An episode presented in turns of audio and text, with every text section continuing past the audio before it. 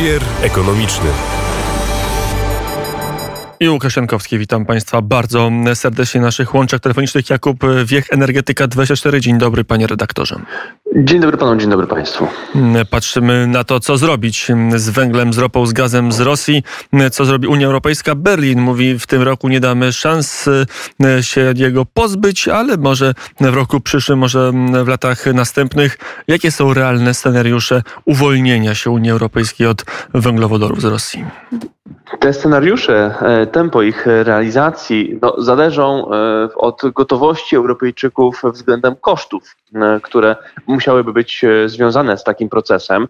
Bowiem Rosja to jest taka gigantyczna stacja paliw dla Europy. Państwo Władimira Putina odpowiada za około 45% importu unijnego gazu ziemnego, za prawie 30% importu ropy, za ponad 40% importu węgla kamiennego. Więc jest tutaj no, widoczne to uzależnienie, bardzo głębokie bardzo daleko idące, które jest skutkiem takiej bezrefleksyjnej, liberalnej energetycznie polityki, którą e, Zachód, bo to mówimy głównie o krajach zachodniej Europy, e, prowadził przez długie, długie lata. Od tego są wyjątki, to znaczy e, to uzależnienie od rosyjskich surowców w Europie nie jest homogeniczne.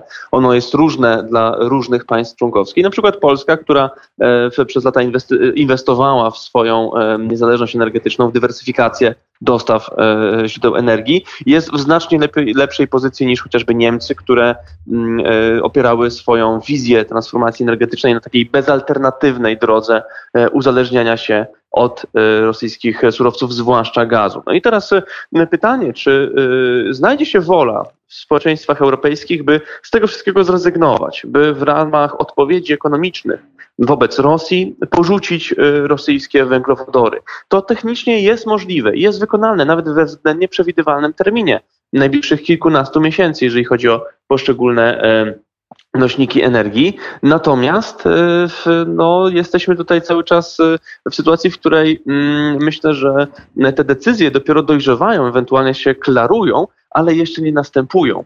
E, I to jest e, problem, który e, dotyczy właśnie tej decyzyjności, tej sprawczości Unii Europejskiej. Mamy sygnały na przykład z Berlina czy z, mm, z, z, z Budapesztu, że te państwa no, są nieco przeciwne, jeżeli chodzi o Niemcy i Węgry, są przeciwne jakimś daleko idącym krokom względem rosyjskich surowców. W podobnym tonie mówi też Amsterdam, więc jest szereg państw w Unii Europejskiej, które już teraz wyłamują się z tej jednolitości, z tego spójnego bloku, jeżeli chodzi o e, odpowiedź na e, e, sankcyjną względem rosyjskich surowców, no ale to są też jastrzębie w tej stawce. I jest między innymi Polska, która wzywa do zdecydowanych, e, mocnych działań w tym zakresie. E, bo Polska chyba jest w dość prostej sytuacji, bo wydaje się, że już w najbliższym roku może i z węgla, Mm, i z gazu przede wszystkim, a także z ropy zrezygnować bez większych uszczerbków dla własnego systemu. Tak, Polska za 10 miesięcy będzie w stanie porzucić dostawy gazu z kierunku wschodniego dzięki takim e, e, obiektom jak terminal w Świnoujściu, jak gazociąg Baltic Pipe, jak interkonektory wiodące na przykład na Słowację czy na, e, na Litwę, dzięki oczywiście też naszemu własnemu wydobyciu błękitnego paliwa. Natomiast nieco inaczej jest wygląda polska sytuacja na rynku ropy, chociaż tutaj mamy naftoport, który jest w stanie zapewnić nam całość naszego zapotrzebowania na ropę, nawet z nadwyżką e, właśnie e, poprzez drogę morską. Co do węgla, no tutaj to jest paliwo względnie proste w zastępowaniu, bowiem e, jest łatwe w składowaniu, jest łatwe w przewożeniu, rynek jest względnie szeroki, więc możemy tutaj w miarę szybko się od tego uniezależnić. Jesteśmy w względnie dobrej pozycji, jak na E, inne, na tle innych e, krajów Unii Europejskiej. Polska jest naprawdę niezłej pozycji, jeżeli chodzi o e, potencjał zerwania swoich więzów energetycznych z Rosją. No i pytanie, czy, czy do tego dojdzie, bowiem żeby, żeby wprowadzić na przykład embargo na rosyjski węgiel, no to trzeba byłoby użyć pewnych mechanizmów międzynarodowego prawa handlowego. Trzeba byłoby blokować dostawy tego surowca. Podobnie z ropą naftową. Więc mamy tutaj kilka opcji na stole. Pytanie, czy zostaną użyte. E, i jakie będą tego realizacje, a Węgry, na ile jest tak, że to może być ten główny hamulcowy rezygnacji z węglowodorów z Rosji?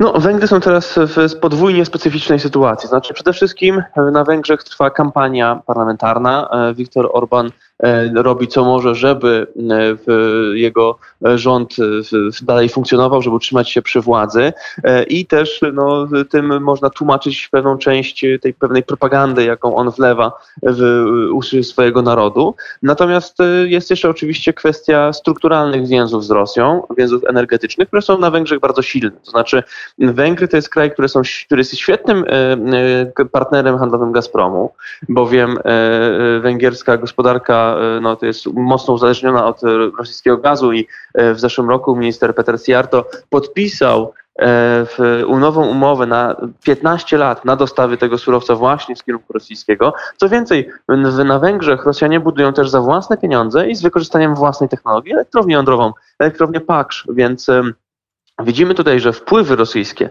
w węgierskiej energetyce są bardzo, bardzo silne e, i ich porzucenie, czy nawet ograniczenie w tej sytuacji, jaką teraz e, obecnie mamy na, na, na Węgrzech, byłoby trudne, żeby nie powiedzieć niemożliwe. E, I tutaj jest pewien element działania rządu węgierskiego, a koszty, to jeszcze ten temat pogłębmy. Na ile jest nas stać, na ile będzie drożej, bo to będzie za chwilę w debacie publicznej ten pierwszy i główny wektor rozmowy. Nas na to nie stać, musimy e, się z Putinem pogodzić, bo nie utrzymamy się, nie wytrzymamy bez rosyjskiego gazu, ropy i węgla.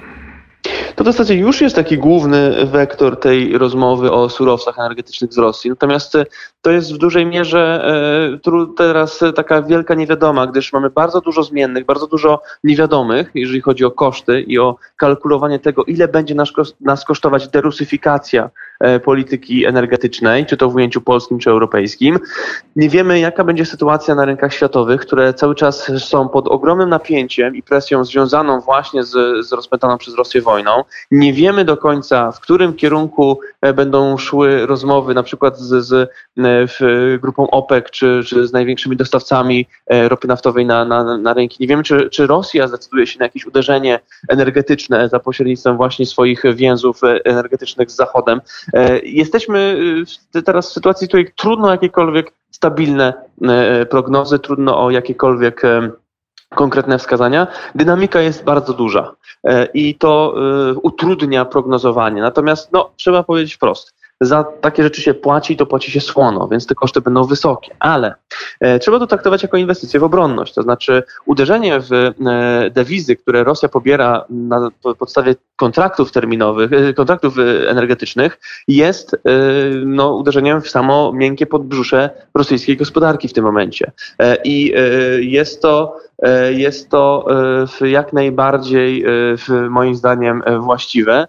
E, i e, potrzebne w tym momencie. E, do tego trzeba pamiętać, że lepiej zapłacić cenę w walucie teraz i poświęcić się ekonomicznie, niż potem mieć na sobie ciężar rosyjskiej agresji, bo o ile nie wszystkich stać na benzynę za 10 zł, tak na wojnę w Polsce nie stać absolutnie nikogo. Także Trzeba mieć na uwadze, że e, to, co robimy w tym momencie, ponosząc pewne koszty, ciężary sankcji wymierzonych w Rosję, to jest nasz wkład w tę wojnę, którą toczymy, tylko na płaszczyźnie ekonomicznej. E, to już na koniec ostatnie e, pytanie. A w Polsce jak to się może rozkładać? Bo w Polsce te głosy nie są tak mocno słyszalne jak w Niemczech, ale, ale chwila, moment i pewnie znajdzie się duża grupa ludzi, którzy będą pod ten pryzmat tylko Rosję postrzegać jako, jako stabilność naszych cen na stacjach benzynowych. No tylko, że ta stabilność właśnie okazała się bardzo krucha, co miało miejsce już w zeszłym roku gdzie Rosja windowała ceny gazu, a potem 24 e, lutego, kiedy Rosja przez swoją wojnę no, doprowadziła do załamania e, w rynków ropy. Więc nie warto patrzeć na, na Rosję jako na stabilnego partnera, e, bo on nim nie jest. To jest państwo bandyckie, które łamie prawo międzynarodowe, ale chce sobie waży wszelkie umowy i, i, i konwencje, więc dlaczego mielibyśmy roz, uznawać Rosję za jakiś gwarant naszego bezpieczeństwa energetycznego, skoro Moskwa pokazuje wielokrotnie że jest zupełnie odwrotnie. E, powiedział Jakub Wiech, redaktor e, portalu Energetyka24. Dziękuję bardzo za rozmowę. Dziękuję bardzo. I to był kurier ekonomiczny e, w Radio Wnet. Kurier ekonomiczny.